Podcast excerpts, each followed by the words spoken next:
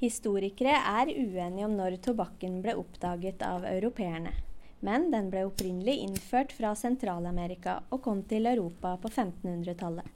I dag har de fleste fått med seg at røyking kan skade helsen vår og gi oss alvorlige sykdommer. Foredraget 'Når DNA går opp i røyk' gir et innblikk i hvordan røyking påvirker innpakningen av DNA-et vårt. Førsteamanuensis Torkjell M. Sandanger ved Institutt for samfunnsmedisin ved UiT Norges arktiske universitet skal gi oss et spennende innblikk i tematikken. Hva er egentlig DNA? DNA det er arvematerialet vårt. Det er det vi får fra mor og far fra fødselen av. Er DNA-et uforanderlig, eller kan vi påvirke det sjøl?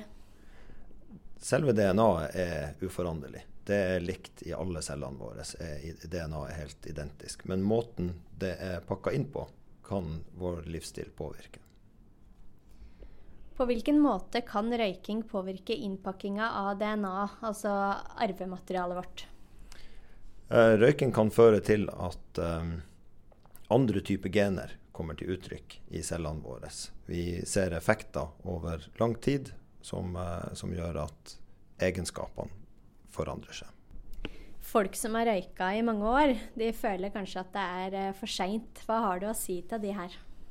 Nei, det, det, vi ser er at det er aldri for seint å slutte å røyke. Det vil påvirke din senere risiko for å få lungekreft. Men det aller beste er selvfølgelig å la være å starte å røyke.